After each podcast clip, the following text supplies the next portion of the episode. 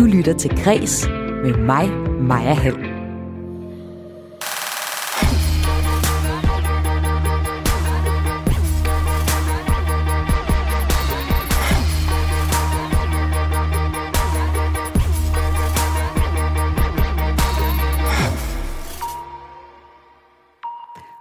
Denne fredagsudgave af dit daglige kulturprogram øh, program Kreds, der vender jeg ugen, der gik i kulturen. Jeg har inviteret et panel til øh, hver at udvælge en historie, de mener er særlig interessant, og det skal vi tale om de næste 55 minutter. Der er tre historier på tapetet. Det øh, første, vi skal tale om, det er 3F's formand Per Christensen, der går af efter at BT har afsløret, at hans privat har levet et øh, dobbelt dobbeltliv. En af mine gæster har øh, selv været tæt på en lignende historie, og han spørger panelet, hvilken betydning Per Christensens position som en slags tillidsmand for de her mere end 260.000 medlemmer, som 3F har, har for, at han må gå af. Skulle han også være gået af, hvis han var for eksempel tømmer, chauffør eller tjener og havde et dobbeltliv? Det skal vi tale om i panelet i dag. Og så skal vi tale om, hvem der kan spille hvem, og om man kan spille sig selv. Det skal vi i anledning af, at journalist Anders Akker skal spille sig selv i filmatiseringen af Stine Pilgaards succesroman Meter i sekundet. Det er jo egentlig ikke fordi, at det sådan vil være super svært at finde en hvid mand, der kunne spille Anders Akker. Og man ikke andet, så skal han i hvert fald spille sig selv i den kommende filmatisering, og det skal vi tale om. Og så vender panelet også den totale genåbning eller hvad? For selvom coronarestriktionerne forsvinder inden festivalsæsonen går i gang, så ligger der et enormt arbejde i at stable en festival på benene, også når resten af verden, mildest talt, stadig bøvler med corona. Så kommer vi rent faktisk til at kunne opleve kanadiske Justin Bieber på Skanderborg Festival? Det spørger jeg talsmand for festivalen om sidst i programmet. Det er dig, Søren Eskelsen, og du er nemlig en af dagens paneldeltagere. Velkommen til Græs. Tusind tak. Og også velkommen til kurator på Kunsthal Aarhus, Peter Ole Pedersen. Tak skal du have. Og aktuel i teaterstykket Det Fortrolige Rum og journalist til hverdag, Sofie Buk Højer. Velkommen til dig. Tak. Jeg hedder Maja Hall. Velkommen til alle sammen. Velkommen til Kreds.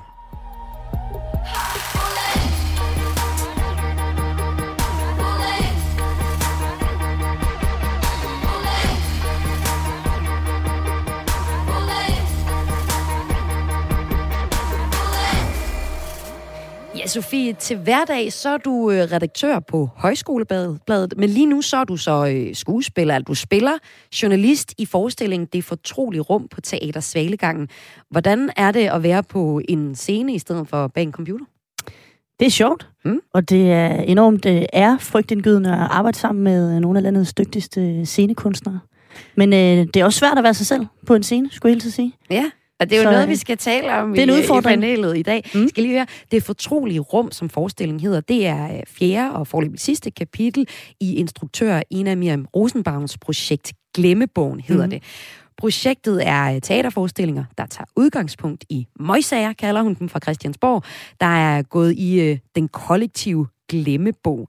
Og det stykke, du medvirker i, handler så om offentlighedsloven. Altså, der er den her lov, der regulerer adgangen til agtindsigt for personer, der mm. ikke er part i en sag. Det er sådan noget, ja, journalister tit bruger for eksempel til at søge agtindsigt i sms'er i Mink-sagen, kunne det være. Man kan også søge agtindsigt i sin egen lægejournal.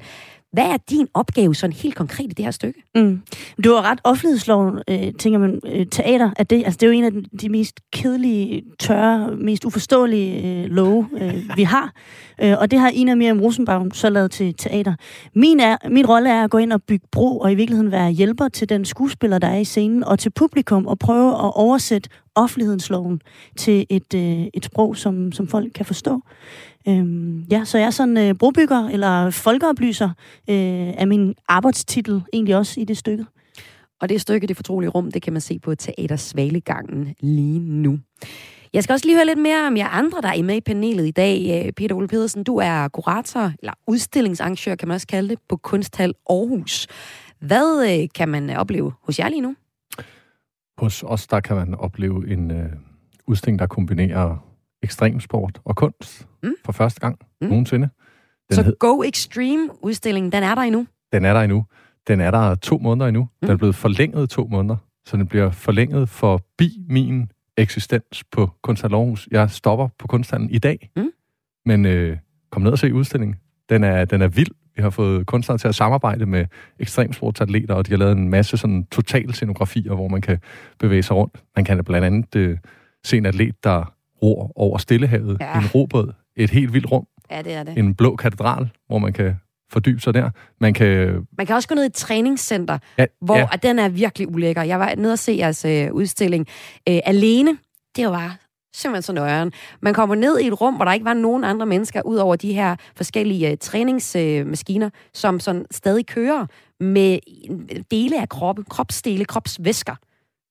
Det er det, altså på Go Extreme lige nu. Det er, lidt, det, det rum, det er lidt ligesom, hvis man har fået David Lynch eller David Cronenberg til at lave Fitness.dk. Ja. ja. Det er meget, meget godt. Ja. og skal jeg også høre dig, Søren Eskilsen. Du tals person for uh, Smukfest Skanderborg Festival. Og øh, lige så stille kommer der jo navne på øh, plakaten. Hvad øh, kommer vi til at sætte nye højder i, hvad I trækker til Skanderborg øh, den her sommer? Jamen, det gør vi jo. Men, det gør vi altid. Det gør vi altid. det er dumt men det er, også, det er også et faktum, at vi rent faktisk er en uh, totalt udsolgt festival. Mm. Så, ja, folk er jo skide ligeglade med, hvad der kommer, er de ikke det? Jo, altså vi sælger i hvert fald vores, øh, vores billetter, før musikken er annonceret, ja, ja. men det er jo som altid på forventet efterbevilling. Ja. Derfor Har I skal... peaked med Justin Bieber på plakaten? Det er et navn, vi er virkelig stolte af, og øh, det er også en, øh, en booking, der har givet virkelig, virkelig god respons. Selvfølgelig så er der også nogen, der synes, det ikke lige er noget for dem, men så er det også heldigt, at øh, der foregår så meget andet. Og øh, senere i programmet, så spørger jeg også om, hvor sikker vi nu kan være på, at Justin Bieber kommer. Han er kanadier, så spørgsmålet er til, øh, så sensommeren, er han så klar til at komme til Danmark? Altså corona eksisterer jo stadig. Det er et af emnerne, vi skal tale om senere i programmet. Men øh, lad os starte med den første historie, som du, Peter Ole Pedersen, har øh, valgt, vi skal tale om. Og den handler om, at i den her uge, så har Danmarks største fagforening, 3F, fået ny formelt konstitueret formand efter Per Christensen måtte gå af. Privat har Per Christensen misbrugt sin øh, nærmeste tillid og i flere år levet et øh, ret spektakulært dobbeltliv, som BT har beskrevet. To gange har han gennem en årlang periode for eksempel levet sammen med to kvinder, som enten var gift eller i fast parforhold, og de troede begge, at de var altså hans eneste partner. Så det er virkelig et ægte dobbeltliv. Selv skriver han til BT, øh, der har historien, han skriver, jeg har aldrig blandet mit privatliv og mit arbejde sammen, men altid holdt mit privatliv adskilt fra mit offentlige liv som tillidsvalgt i og for 3F. Og det er netop det her med at blande øh, arbejdsliv og privatliv sammen, vi skal tale om nu. Peter Ole Pedersen, hvad synes du er særligt interessant i den her historie, som har trukket ekstremt mange overskrifter den her uge? Jeg synes, der er to ting, der er interessant i den øh, historie, og, og, og måske kan de fungere som sådan en, en, øh, en form for sådan grobund eller en baggrund for, for, for det, vi skal diskutere i, øh, og debattere i forhold til, til den her sag, til den her historie. Det er, først og fremmest synes jeg, det er altså, og det, det, det skal fraregnes fuldstændig de moralske implikationer, hvad, hvad, hvordan det ligesom går, går ud over nogen. Der er masser af forskellige historier, der går ud over nogen, og det har været dækket omfattende i medierne, hvem der ligesom er har været hans partner, og hvem der er blevet ført bag lyset og sådan noget. Men jeg, men jeg synes, det er øh, vildt fascinerende, at øh, der er sådan en drift, sådan et, et begær i mennesker efter at leve flere liv, og, og, og man ikke ligesom sådan kan i det her tilfælde styre sig. Ikke? Altså, det er jo en, en impuls, der for mange af os er sådan grænseoverskridende, det her, og, og ligesom i, i bogstaveligste forstand leve to liv, ikke? Ja, der, altså, måske øh, flere liv, ikke? Og, og, og det synes jeg, at det menneskelige aspekt, at man ikke kan få nok, eller hvad det nu er, altså det kan vi jo prøve at tilnærme os på en eller anden måde, at, hvad er det, man gerne vil have? Hvorfor, hvorfor begærer man øh, alt muligt andet, øh, andre, andre tilværelser? Fordi i offentlighedens øjne, før for øh, få uger siden, så er Per Christensen jo en ultra succesfuld profileret menneske der har, altså, øh, han er sådan en, der står og trykker hånd med statsministeren, og er leder for en kæmpe, den, den landets største fagforening. Og så, whoop, så vender det lige på og så er det, og, og derfor så, og det er meget naturligt, men, men så, så det andet, det er så dækningen, fordi det leder så automatisk frem til, det er så dækningen af historien. Det er selvfølgelig også noget med, at menneskelige aspekter af historie, de tager sådan lidt tid for dem at bundfælde sig. Men den dækning, der har været af historien, har været meget sådan en, en lavpraktisk, moralsk dækning af historien. Det har været sådan en, hvad er forkert at gøre, hvad er rigtigt at gøre, og hvad, øh, hvad har det for nogle betydninger, når nu han har den position i samfundet, og har det job, han har. Og, og så spørge nogle forskellige, der er involveret i for Men er det underligt, at, at det er det, det har handlet om? Øh, det er ikke overraskende, men, men måske er det overraskende, at man tænker sådan, altså, det, det er jo for vildt, at man vælger at gøre det her, mm. når man har det liv, han har. Mm. Og det er jo meget interessant, at det spørgsmål, det har jo ikke været stillet af et eneste medie. Hvorfor har Per Christensen gjort men det, det? Men det er nok også en, øh, en, en kuratortype, som dig, der netop tager, tager det emne op. Ja, altså, men det per gør Christensen jeg gerne. Har, har formået at være på ferierejser til familiefødselsdag, arbejdsmiddag, til nonfirmation, på vennebesøg, sommerhus og, og tilsvarende ting med sine skiftende partnere, og nogle gange på samme tid. Altså kører nærmest fra det ene sociale arrangement til det andet. Øhm, Peter... Han kan jo skrive på sit... Altså, han kan jo næsten skrive det her på CV'et, ikke? Det her, det kræver virkelig koordination, der vil noget, ikke? Altså, gode planlægningsgener. Gode planlægningsgener, ja. Det er klart. Men øh, Peter, du har også selv en personlig reference til den her historie. Jamen altså, jeg har, jeg har en, øh, en kammerat, som har, har, har, har gjort noget lignende, så jeg har haft det sådan forholdsvis øh, tæt på livet. Og det øh, får kæmpe store konsekvenser og sådan noget her. Altså, det er en personlig historie, så jeg vil ikke fortælle så meget mere om det, men, men det er bare for at sige, at det var det, der ligesom det var, det var det, der måske fangede den her sådan, menneskelige side af historien for mit vedkommende. Jeg, jeg begyndte faktisk at troll, altså folk gør det jo, det er sådan clickbait og sådan noget, så, så BT vil jo gerne have øh, 750.000 til at klikke på den her historie, fordi den er kontroversiel, ikke? Og, den er sådan, og der er noget om at være moralsk anløben som menneske. Øh, men, men det, der fangede mig, det var sådan, jeg prøver lige at trolle igennem, så, ser jeg lige, så prøver jeg lige at tjekke alle danske mediedækninger af det. Og der er ikke en eneste medie, der sådan ligesom skrev, har bare prøvet at, at kratte i lakken til, hvad der var hans motivation for at gøre det her. For, også fordi det er svært at dække, ikke? Altså, det er måske mere sådan en, en baggrundsartikel, der kommer på et tidspunkt. Måske kommer Zetland med sådan en dyb artikel om det, eller et eller andet, ikke? Mm. Fordi det er jo noget, der, det kræver ligesom noget, det her. Det kræver at gå ind i en, øh, en helt anden dimension af, af den her sag. Men jeg synes også, det er meget sigende for, medier i det hele taget, når man dækker forskellige... Altså, man kan godt lide at dække historier på fakta og på sådan noget sort-hvid. Var det forkert, det han gjorde? Var det rigtigt, det han gjorde? Hvem gik det ud over? Hvad er navnene på de øh, kvinder, det er gået ud over? Og så videre, og så videre, og så videre. Og, og, og det er sådan... Det, det her, det handler ikke for min vedkommende overhovedet om at tage fra, altså hvad, når sådan noget alvorligt går ud over mennesker, og det har kæmpe store konsekvenser. Men, men for mig var den første impuls, det var sådan, hvor, hvorfor, hvorfor gør man sådan noget her? Det er jo vildt, øh, det er jo vildt hæftigt. Har du selv et bud på det?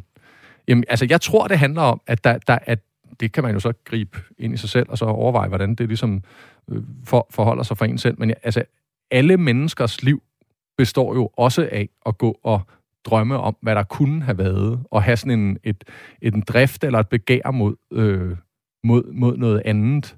Men, men, men derfra til og så til sådan lidt praktisk at gennemføre det, ikke? Altså, det, der er jo kæmpe stor forskel. Øhm, men, men jeg tror, det er sådan en, altså det, det er et livs, det er et grundlivsvilkår for alle, at man står ligesom sådan, man følger en vej, og, og, og så udstikker der så ligesom alle mulige forskellige andre veje, men man vælger jo ligesom hele tiden, ikke? Det er det, et liv består af. Han har jo også, øh, udover angret øh, nogle af sine, kan man sige, øh, gerninger, han var ude at sige, at han øh, har søgt hjælp.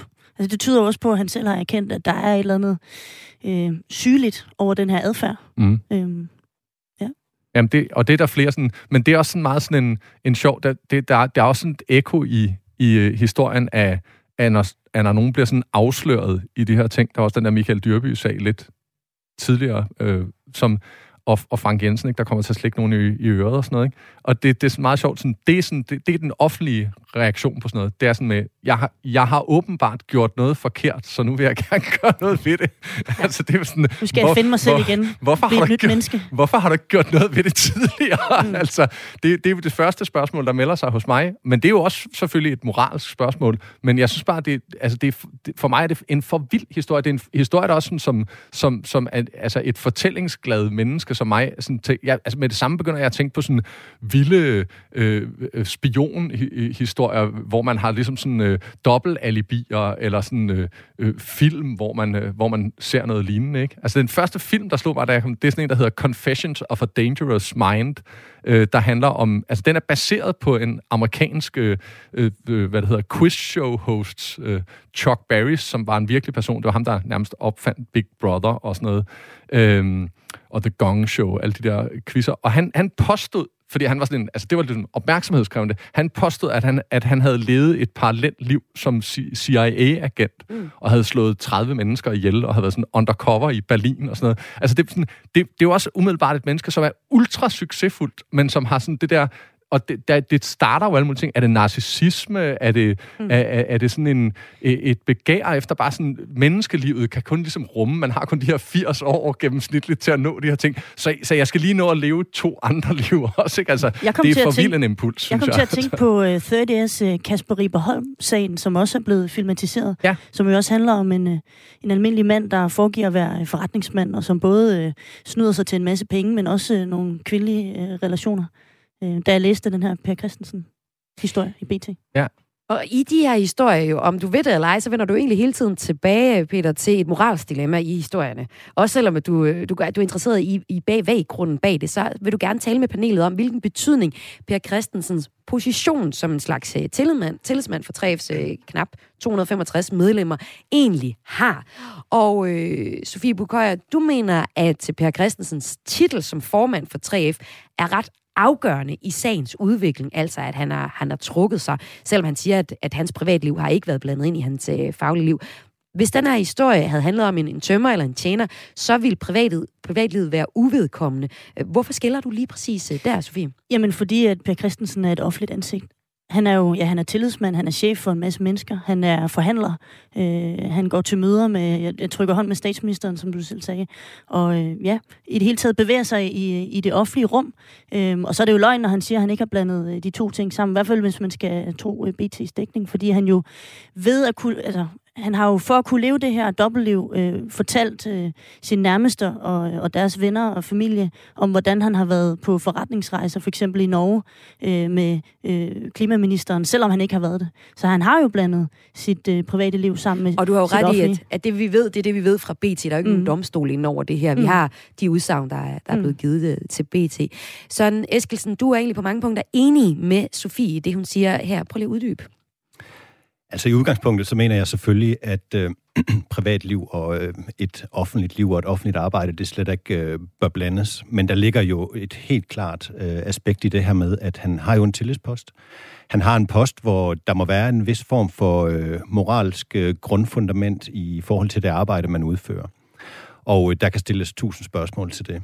Så er der også det her med, at der, hvis BT's ord står til trone, har været et øh, form for øh, misbrug af, af de muligheder, der ligger i jobbet til at, øh, til at bedrive det, der er sket her.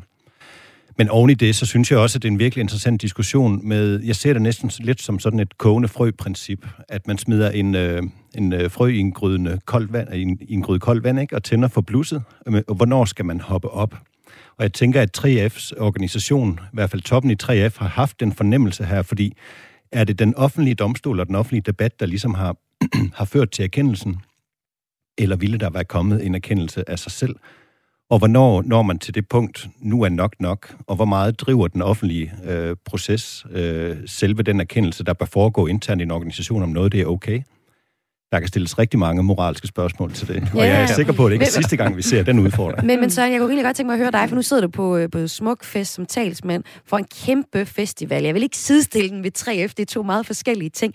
Men igen, øh, men jeg vil gerne vende tilbage til det, der hedder øh, at sidde i en, en magtposition i en eller anden grad, hvis øh, man skiller... Altså, nu, nu hører vi jo Per Christensen sige, jamen, jeg har ikke blandet privatlivet og arbejdslivet frem. Det er, det er hans egen udtalelse. Hvis, hvis det er, den er god nok, er der så noget problematisk i, at han må gå af, fordi det bliver lige pludselig et offentligt anlæggende? Hvis du sammenligner med, hvis det, det var i din egen øh, virksomhed. Jamen, jeg synes sådan set, at øh, det er meget lige til. Øhm, I visse positioner, hvor der må være en vis forventning til en form for moralsk kompas, man navigerer efter, i forhold til at gøre en forskel for nogle mennesker, eller på anden vis repræsentere et større fællesskab, der, der, der skal sådan noget her altid kunne udfordres og tales om, og hvis der er der ligesom er en form for konsensus for, at noget det, øh, det er anløbende eller forkert, så skal det være noget af det, der kan påvirke, hvorvidt man skal være på sådan en post eller ej. Men, men I er jo en privat virksomhed, og her snakker vi så om det her med, at han er, han er hele Danmarks, eller i hvert fald de her over 260.000 medlemmers tillidsmand.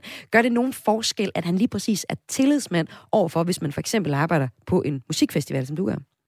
Jamen, jeg synes faktisk, der er, der er mange sammenhænge her, fordi vores festival er en forening. Vi er ejet af ca. 17.000 medlemmer af Skanderborg Festivalklub, Og jeg er sikker på, at hvis, øh, hvis der var forskellige andre historier, der minder om noget af det samme her, så ville de samme spørgsmål kunne stilles, og så var der også poster, der kunne udfordres øh, i forhold til, øh, hvordan ens moralske kompas det lige peger. Også selvom det var i privatlivet, det foregik.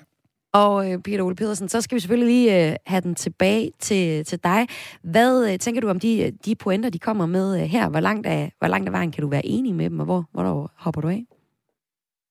Jamen, jeg kan godt øh, være enig langt hen ad vejen. Det er jo sådan nogle, det er jo sådan nogle øh, pæne meninger, altså som, som, jeg, som, altså som, som jeg godt kan forstå, men det, jeg, vil, jeg vil også stå på mål for det, hvis jeg ligesom skulle sige, nu, øh, nu står jeg som repræsentant for den her store virksomhed, eller en forening, eller en fagforening, eller hvad det nu kan være. Og, øh, men, men der er stadigvæk sådan et skæld her, som er sådan lidt absurd i, i mine øjne, det der med sådan, altså vil, vil det næste skridt så være så at sige, altså hvis man så er en privatperson, så må du sådan set godt bare være så moralsk depriveret som overhovedet muligt, bare du holder det i privat. Er det det, du mener med, er det nogle pæne meninger, vi hører her? Jamen, det er bare nogle rigtige meninger. Det er det, ja. man skal sige, ikke? Ja. Når man, og, og det har jo ikke noget med Søren og Sofie at gøre. Altså, det er jo bare sådan, det, men, det vil, altså, jeg vil stå på mål for det samme, fordi mm. at man ligesom, man repræsenterer noget offentligt, og man mm. repræsenterer en større organisation. Noget, der er større end en selv. Er det fordi, du og har jeg, haft og, det helt Og, og husk lige her, jeg mm. advokerer ikke for, mm. at det er rigtigt det, som, som... Altså, jeg advokerer ikke for, at det er rigtigt det, som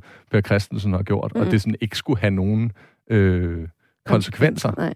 Men, men, men øh, siger du, øh, at det her det er pæne meninger, når du også selv har haft en lignende historie tæt ind på livet? Altså, øh, at det er vigtigt at, og, øh, og ja, diskutere eller tage, tage historien meget, eller det her meget alvorligt, også selvom at det ikke er i en magtposition?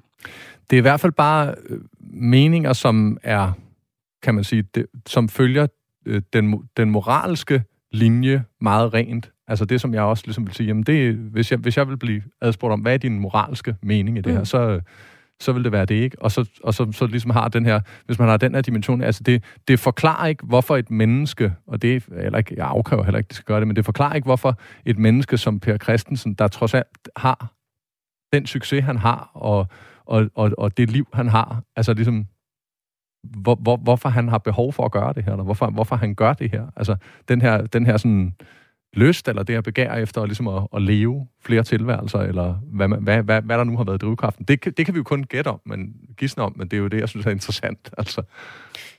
Sofie Bukhøj først. Jamen, jeg, jeg er enig med dig i, at det er virkelig interessant også, og måske hvis man kan, altså grave i, hvorfor, hvorfor hans adfærd er sådan, altså på et psykologisk plan, eller socialt, eller hvordan man nu griber det an.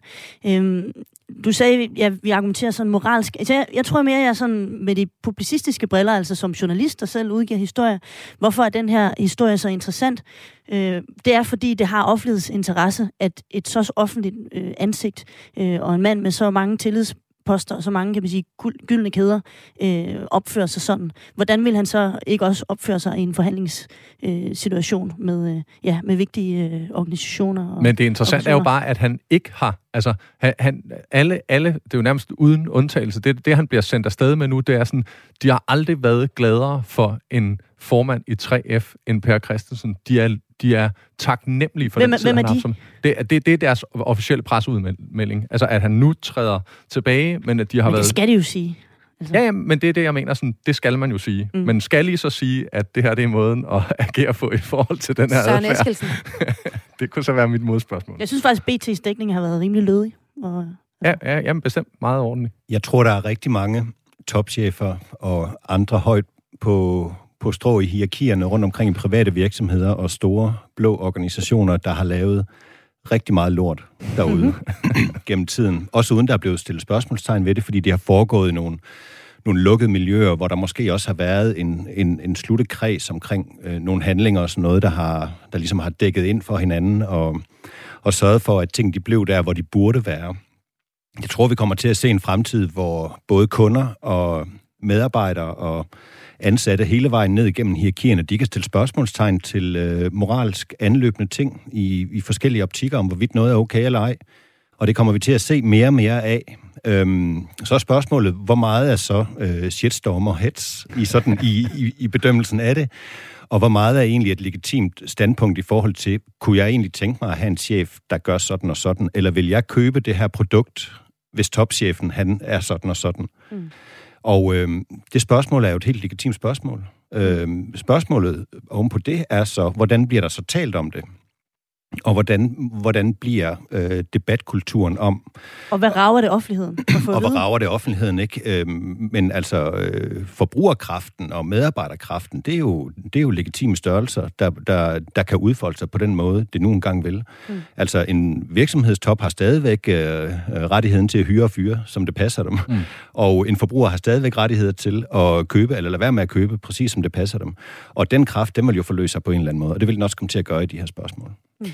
Og det blev det sidste i det første emne her i fredagspanelet i dag, i dit daglige kulturprogram Kreds er på Radio 4, hvor øh, tre gæster er inviteret ind til at tale om ugen, der gik i kulturen. Og i øh, den her uge, der har Danmarks største fagforening, øh, 3F, fået ny formelt konstitueret formand, efter at Per Christensen måtte gå af. Og det kulturaspekt i historien, vi har diskuteret i, det har simpelthen været det moralske aspekt i, at Per Christensen har levet et øh, dobbeltliv, mens han også har givet øh, tillidsmand, kan man sige, for øh, alle 3F's øh, medlemmer. Det var altså første historie i øh, panelet i dag. Et panel, hvor øh, vi øh, senere i programmet også skal tale genåbningen og hvilken betydning det har for kulturlivet. Men inden vi kommer til det, jamen, så skal vi tale om, at øh, journalist Anders Akker har fået rollen som sig selv i en kommende film. Der vil jeg gerne lige have spillet en skiller. Men så kan jeg jo bare sige til nye lyttere, at du lytter altså til Græs her på Radio 4. Den næste historie, eller, og ja, jeg har med i panelet, lad mig sige det, det er kurator Per Ole Pedersen, redaktør og skuespiller. Nej, det er du ikke helt, men du er med på et, et, med et skuespil lige nu, Sofie Bukhøjer, og så talsmand for Smukfest Søren Eskilsen. Og øh, Sofie, nu er det din historie, vi skal have fat i. Det er journalist Anders Akker, der har fået rollen som sig selv i Hella Juves filmatisering af Stine Pilgaards roman Meter i sekundet. En vanvittig populær roman, der altså nu også bliver til film. Anders Akker er den her øh, DR-journalist, som mange kender fra for eksempel programmer som Indefra med Anders Akker, hvor han har besøgt Fixerum, Plejehjem, Nationalbanken. Han har også været på rejser med tv-kokken Anne Jernø. Øh, han optræder så i bogen af Stine Pilgaard, øh, som en person, som hovedpersonen i den grad ser op til. Hun ser meget op til hans joviale måde at tale til folk på. Noget, som hovedpersonen har øh, ret svært ved i forbindelse med, at hun er flyttet til øh, et lidt ordknapt Vestjylland, som hun døjer noget med. Nu bliver den her film, eller bog, så filmatiseret, og øh, Anders Akker har sagt ja til at spille sig selv. Om rollen, der har han skrevet på Instagram, at øh, måske får jeg fem replikker i rollen som mig selv, eller hvem jeg nu er. Sofie, hvorfor har du taget den her historie med til panelet i dag? Mm. For det første så er Stine Pilgaards øh, roman, Meter i sekundet, det er jo et kæmpe hit, også blandt øh, højskolefolk og i højskolekredse, hvor jeg bevæger mig. Mm. Ikke mindst fordi, at, øh, at handlingen i bogen øh, udspiller sig på en højskole i Vestjylland, hvor man følger øh, man sige, øh, kæresten til en højskolelærer, som så kigger ind på højskolen øh, og ser kan man sige, det her fællesskab øh, udvikle sig igennem et semester. Så alene af den grund er det jo øh, kan man sige, et dejligt øh, breaking news fra, fra højskoleverdenen, fordi det er en roman, som, øh, som mange elsker. Øhm, og så så jeg, at Anders Akker har scoret rollen som sig selv, og så tænkte jeg, fedt! Øh, og selvfølgelig. Og så tænkte jeg, hmm, Øh, er det ikke lidt for mærkeligt? Og når du siger det med et glimt i øjet, kan Anders Akker virkelig finde ud af, af det, altså at spille sig selv? Øh, det siger jeg med største respekt for hans, øh, hans fag og hans, øh, hans måde netop at, at samtale med, med mennesker på. Og så tænkte jeg dernæst, hvem kunne ellers spille Anders Akker? Og så kom jeg til at, at tænke på hele den her øh, ongoing diskussion omkring diversitet og mangfoldighed og repræsentation i, i skuespil og film og teaterverdenen, som jeg så selv lige nu er en midlertidig del af, som iscenesat journalist i den her forestilling udvikling på, på teaters valggang. Så jeg synes, der er mange øh, lag i den, øh, og, øh, og derfor så synes jeg, vi skulle øh, sige, vende, vende den nyhed, at Anders Akker har scoret rollen som sig selv. Og så synes jeg, det er jo ret sjovt, at han så skriver, spil mig selv, eller hvem jeg nu er. Øh, ja.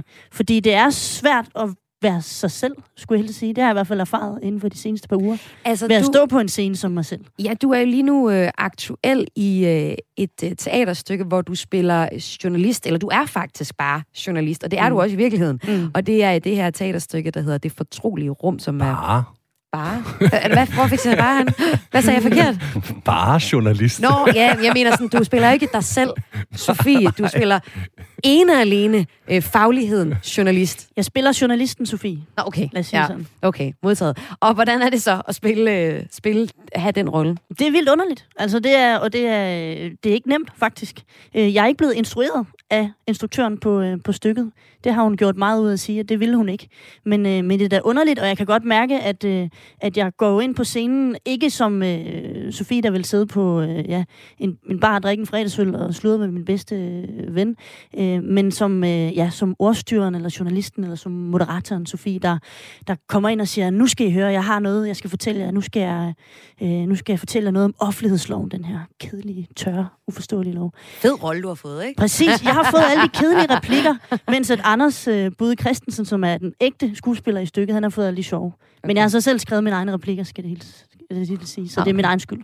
Okay, okay. Ja. så du har skrevet de kedelige ting til dig selv. Yes. Jamen, sådan er det jo nogle gange. Og det, ja, den her historie om, at Anders Akker skal spille ja, Anders Akker i den nye filmatisering af øh, Meter i sekundet, den lander i samme uge, som at øh, BT har spurgt øh, samtlige, nej det har de nok ikke, men rigtig mange folketingspolitikere, politikere, hvilke danske skuespillere de mener vil være oplagt til at spille dem selv i anledning af, at øh, her lidt senere i februar, så kommer der en fjerde sæson af Borgen. Øhm, og der øh, kunne jeg se, når jeg læste ned, at øh, der var flere, der øh, gik op i lige præcis repræsentation, som du øh, nævner.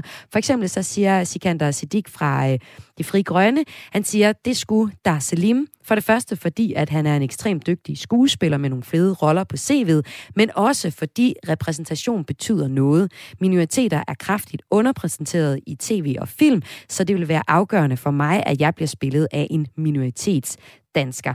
Og øh, et andet eksempel på det, som var overraskende i en helt, på en helt anden måde, det er, at øh, Dansk Folkepartis Alex Arnsen øh, har været i den forbindelse ude at sige, at hvis nogen skulle spille ham, så skulle det være Melvin Kakusa.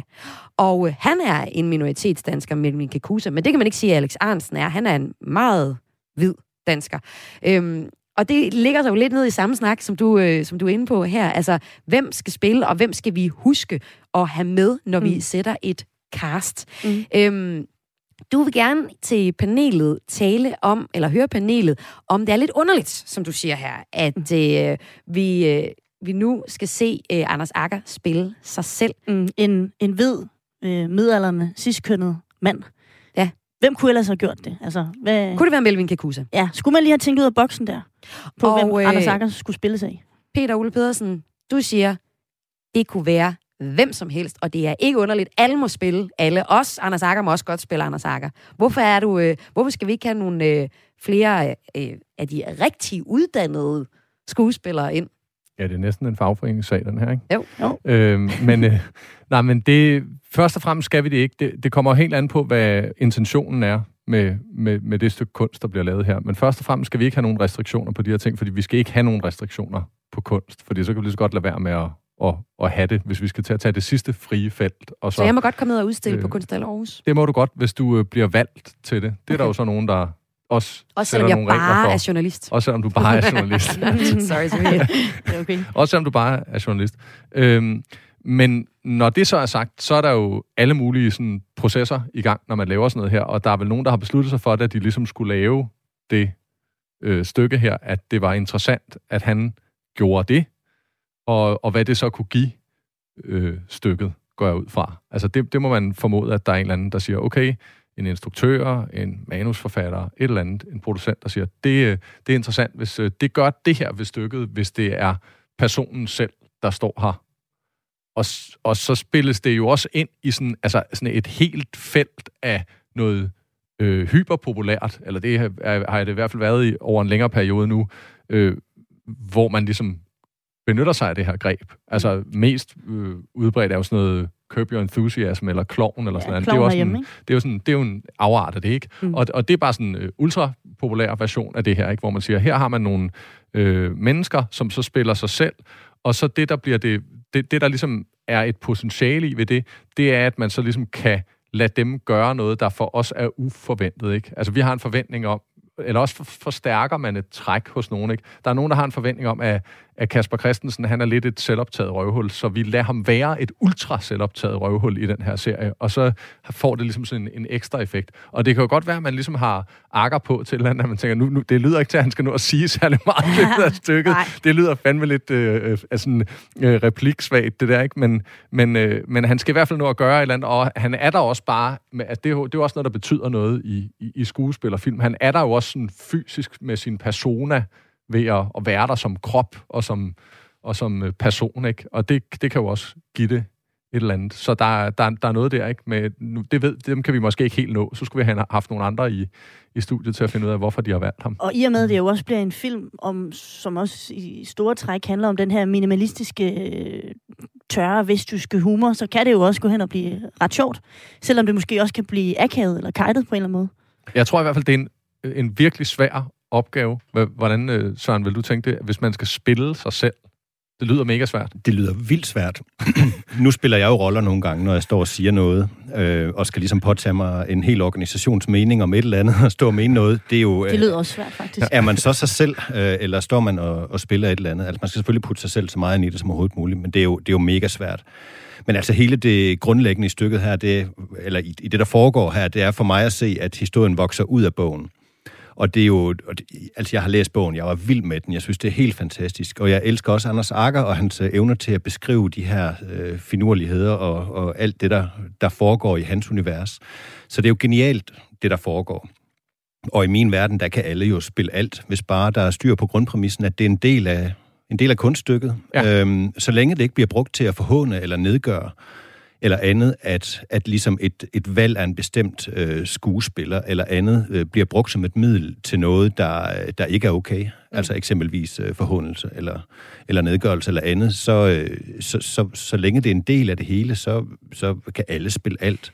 Og jeg får, jeg får lidt knopper af det nogle gange, når alt skal passe lige præcis ned i boksen for, hvad der har været tænkt øh, på en karakter et eller andet, eller en forestilling, nogen måtte have mm. om en bestemt karakter. Men nu er de her forskellige øh, politikere jo blevet bedt om at, at sige, hvem, hvilken skuespiller skulle spille øh, dem selv. Det, det der kommer jo ret interessant øh, bud på. Mette Frederiksen er desværre ikke øh, svaret tilbage. Vide, hvem Ej, hun vil svare. At høre, Om det vil være Sisse ja. Babette så, altså i anledning af den nye bogens sæson.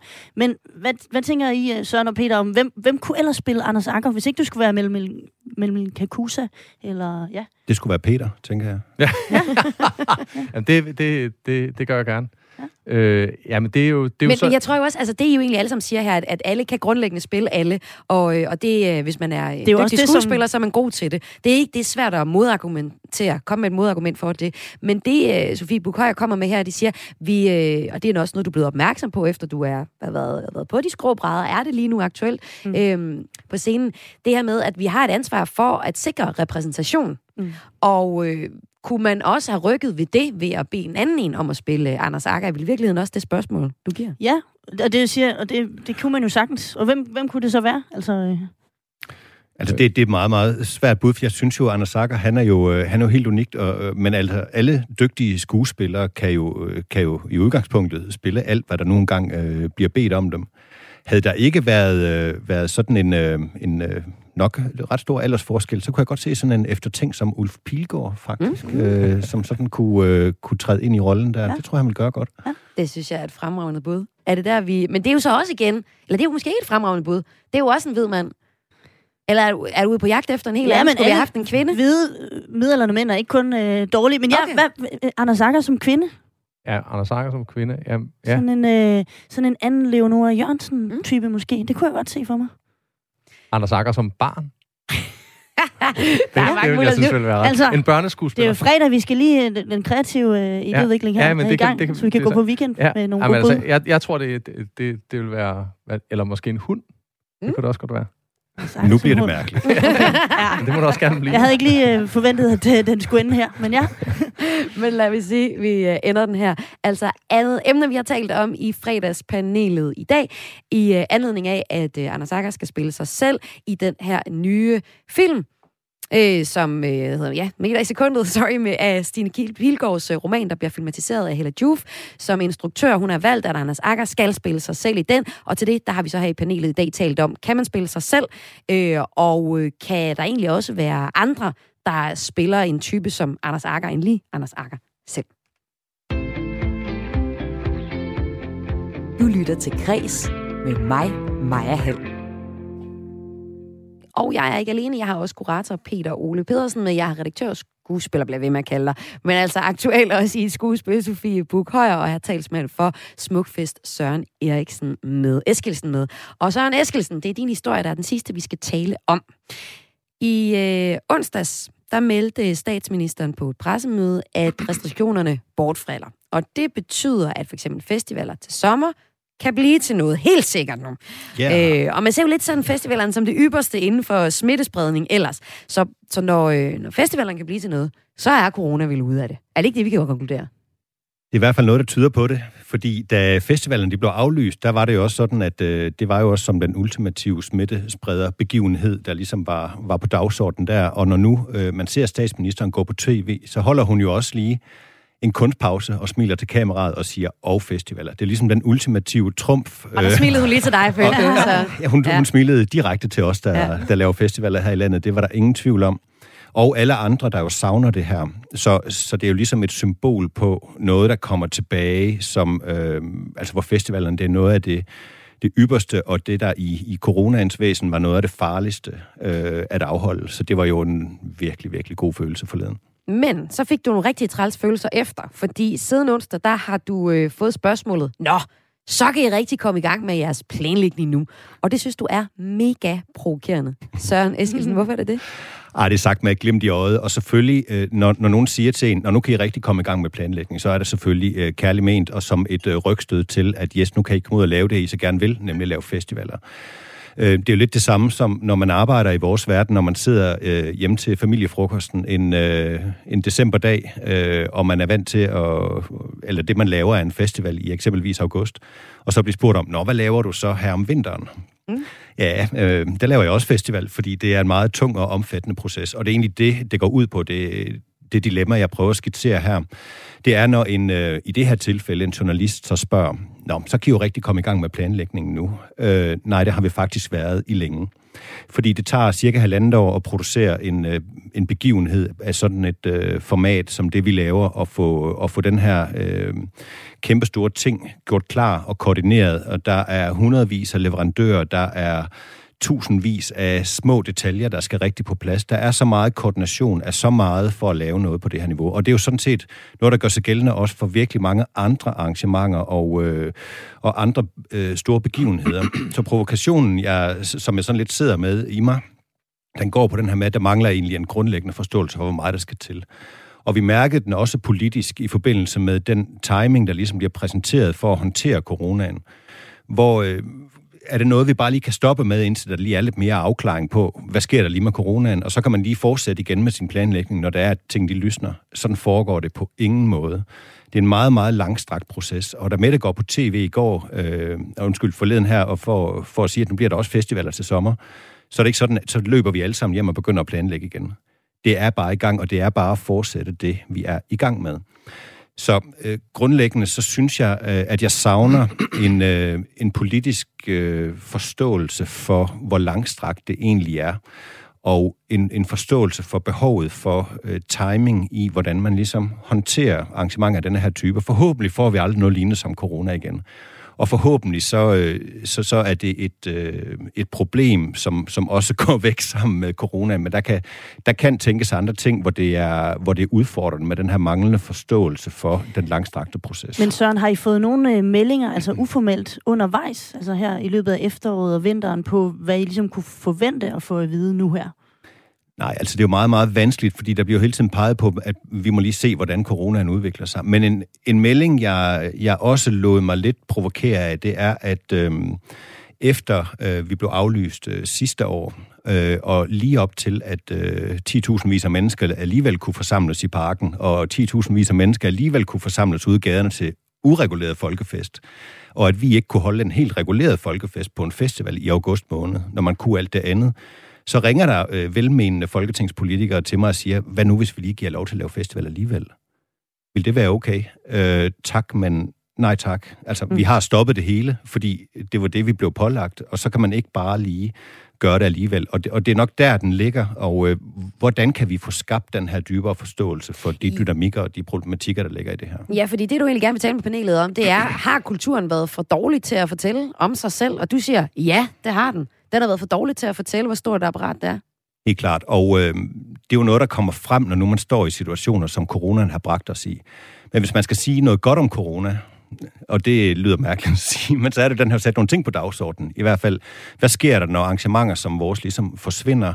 Men hvad er der også for nogle mekanismer, øh, der er på spil i forhold til det her? For nu kommer de her ting jo på dagsordenen. Hvor meget skal der rent faktisk til for at lave det her? Hvilken forskel er det? Øh, store arrangementer, som, som vores gør. Også, øh, også, altså jeg repræsenterer sådan en foreningsbåret festival, og hvilken forskel øh, gør vi i, øh, i lokalsamfund og, og andre steder, og med den måde, vi er til stede i verden på. Mm. Jamen, øh, jeg har lyst til at starte over ved dig, Peter Ole Pedersen, som øh, kurator på Kunsthal Aarhus. Øh, er du enig med det, øh, Søren Eskelsen siger her om, at kulturen har været for dårlig til at fortælle om sig selv og om, hvor stort et apparat, der ligger forud for for eksempel en, øh, ja, det kunne være en udstilling eller en teateropsætning eller øh, en festival? Jeg tror, at den der dimension af kulturlivet, den minder lidt om, øh, når der også bliver efterlyst øh, i medierne ofte, at øh, der er en masse forskere, der skal komme ind og fortælle om øh, deres arbejde, fordi det er super, super spændende.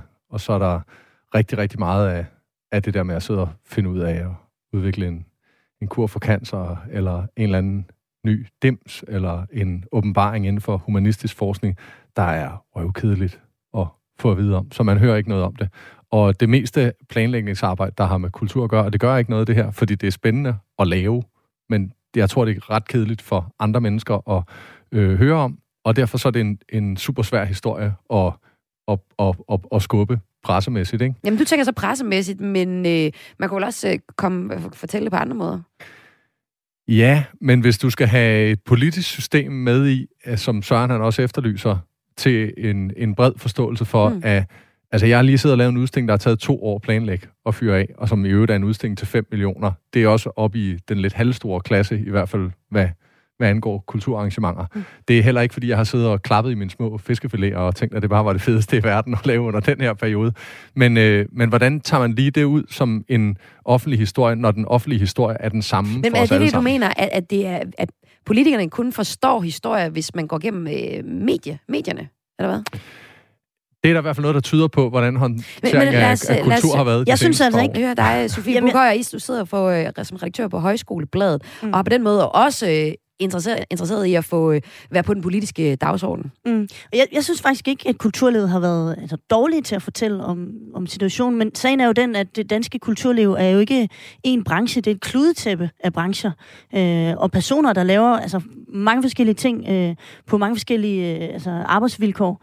Øh, jeg, nu, ja, nu sidder jeg i højskoleverdenen og har lidt berøring med teater. Min, min søster og hendes mand er aktive musikere, og jeg er udmærket øh, bevidst om, hvad det har gjort ved det danske kulturliv, den her øh, coronasituation. Jeg har også selv været tilknyttet øh, Roskilde Festival, sådan, også fordi der ligger en højskole lige ved siden af, så jeg ved, hvad, hvad det vil sige at skulle sætte det logistiske apparat øh, i gang. Men, øh, men for mig handler det om, at, at vi har en mosaik af altså, kulturorganisationer øh, organisationer og personer. Øh, og jeg synes egentlig, folk har, øh, i hvert fald øh, herfra, hvor jeg sidder, og det jeg har hørt, har været gode til at råbe op. Men at, at langtidsplanlægning, ja, den har, den har savnet politisk, øh, og kommer nok til at gøre det nogle år endnu, fordi man, øh, fordi politikerne inde på Christiansborg, tror jeg, er skide bange for at øh, kunne melde noget som helst sikkert ud, fordi der ikke er noget sikkert at melde ud. Ja, og jeg er fuldstændig enig i din, øh, dit kludetæppe billede her. Og øh, min pointe er sådan set også, at øh, det har været uhyre vanskeligt at navigere i en coronatid. Ingen har prøvet det før. Og øh, hvordan håndterer man usikkerhed? Øh, et af midlerne er at afvente, indtil der er mere klarhed, så man kan mm. melde noget ud. Mm. For ellers tager man chancer, og det er ikke særlig fedt. Mm. Og øh, jeg, jeg synes faktisk, vi lever i et fantastisk land. Altså, vi har haft nogle øh, meget lydhøre politikere, der også har været der på kulturens vegne, på festivalens vegne, og har kæmpet benhårdt for at bevare det, vi har, sådan at alle kunne starte bedst muligt i løb på den anden side af corona. Mm. Det, som, øh, det, som bare øh, kan være udfordrende, det er, at når man taler det timingmæssigt, så kan man godt også komme til at gøre eksempelvis festivaler en bjørnetjeneste ved at, at sige, vent nu lige, vent nu lige. Øhm, hvis jeg lige skal tage den lidt over på egen banehalvdel. Øhm, det havde været en mulighed også at lade øh, festivalerne fortsætte noget planlægning, for at, øh, så kunne man have aflyst dem i 11. time. mod at det så, altså når det så senere viste sig, at, øh, at det så kunne have lavet sig gøre, så, så kunne det jo have været en anden form for politisk prioritering og, og en anden forståelse for, hvordan de her mekanismer er.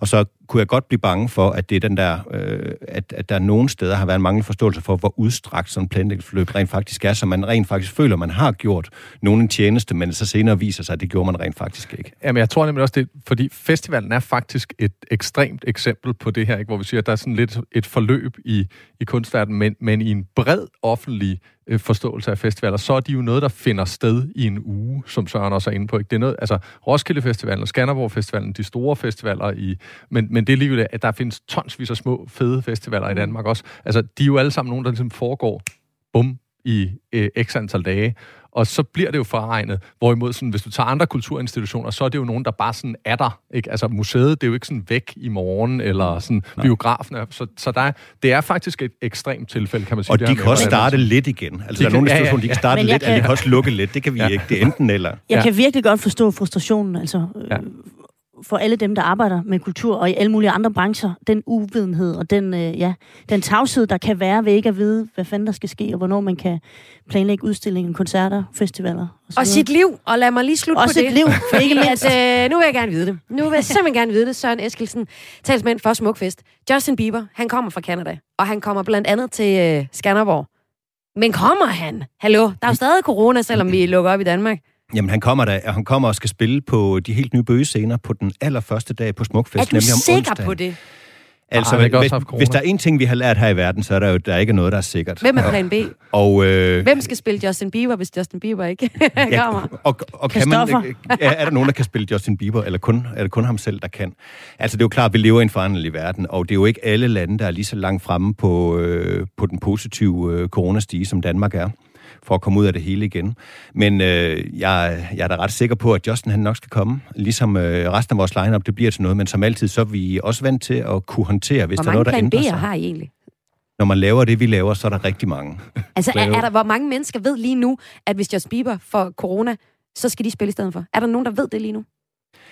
Nej, det er nok en del af et større billede, og der er også nogle ting, man kan have i skuffen, og så er der andre ting, man ikke kan. Søren, I må hedde, man må også have mange disclaimer i de kontrakter, I laver med, med kunstnerne, for hvis og hvis der sker det og det. Altså, altså i, øh, i det forløb, vi har haft her, så, så er der en... Øh, altså man må sige, der har været en god og gensidig forståelse mellem øh, arrangørerne og artisterne og deres repræsentanter, mm. som, øh, som gør, at man har fået tingene til at lykkes alligevel. Men hvis der er nogen, der har haft en fest, så er det da jurister og, øh, og revisorer og sådan noget ned det her. Og, og de disclaimers, der nu ligger, de skal også lige nærlæses en gang.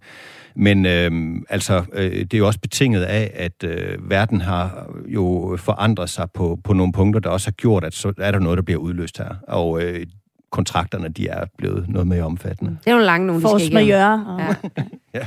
Nå, det blev det sidste i fredagspanelet. I dag her i Græs, der er dit daglige kulturprogram her på Radio 4, hvor jeg om fredagen inviterer et øh, panel ind til at tale om ugen, der gik i kulturen. Og jeg vil sige tusind tak, fordi I var med til at tale. Velbekomme. Det var kurator Peter Ole Pedersen, redaktør Sofie Buk Højer og talsmand for Smukfest Søren Eskilsen. Og så skal der bare for mig lyde en opfordring til, at hvis man kommer forbi Aarhus, så kan man tage forbi Kunsthal Aarhus og øh, opleve Go Extreme. Man kan tage på Skanderborg Festival og opleve uh, Justin Bieber.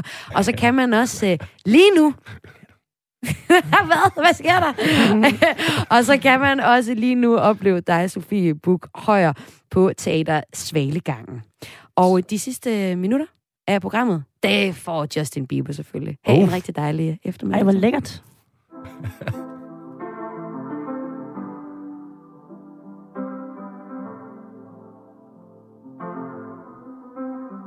I got my peaches out in Georgia. Oh yeah, shit. I get my weed from California. That's that shit. I took my chick up to the north, yeah. Badass bitch. I get my light right from the source, yeah. Yeah, that's it. And I see you. Oh. The way I breathe you in. It's the texture of your skin. I wanna wrap my arms around you, baby, never let you go. Oh. And I see you.